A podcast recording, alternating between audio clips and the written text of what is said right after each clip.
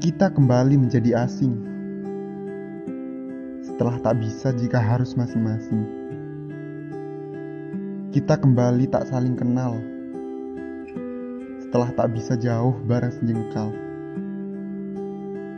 aku yang terus-terusan memperbaiki semuanya, sedang kamu bertingkah seolah tak terjadi apa-apa, seolah semuanya sedang baik-baik saja.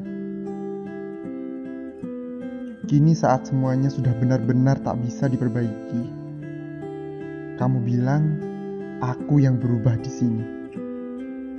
Hmm.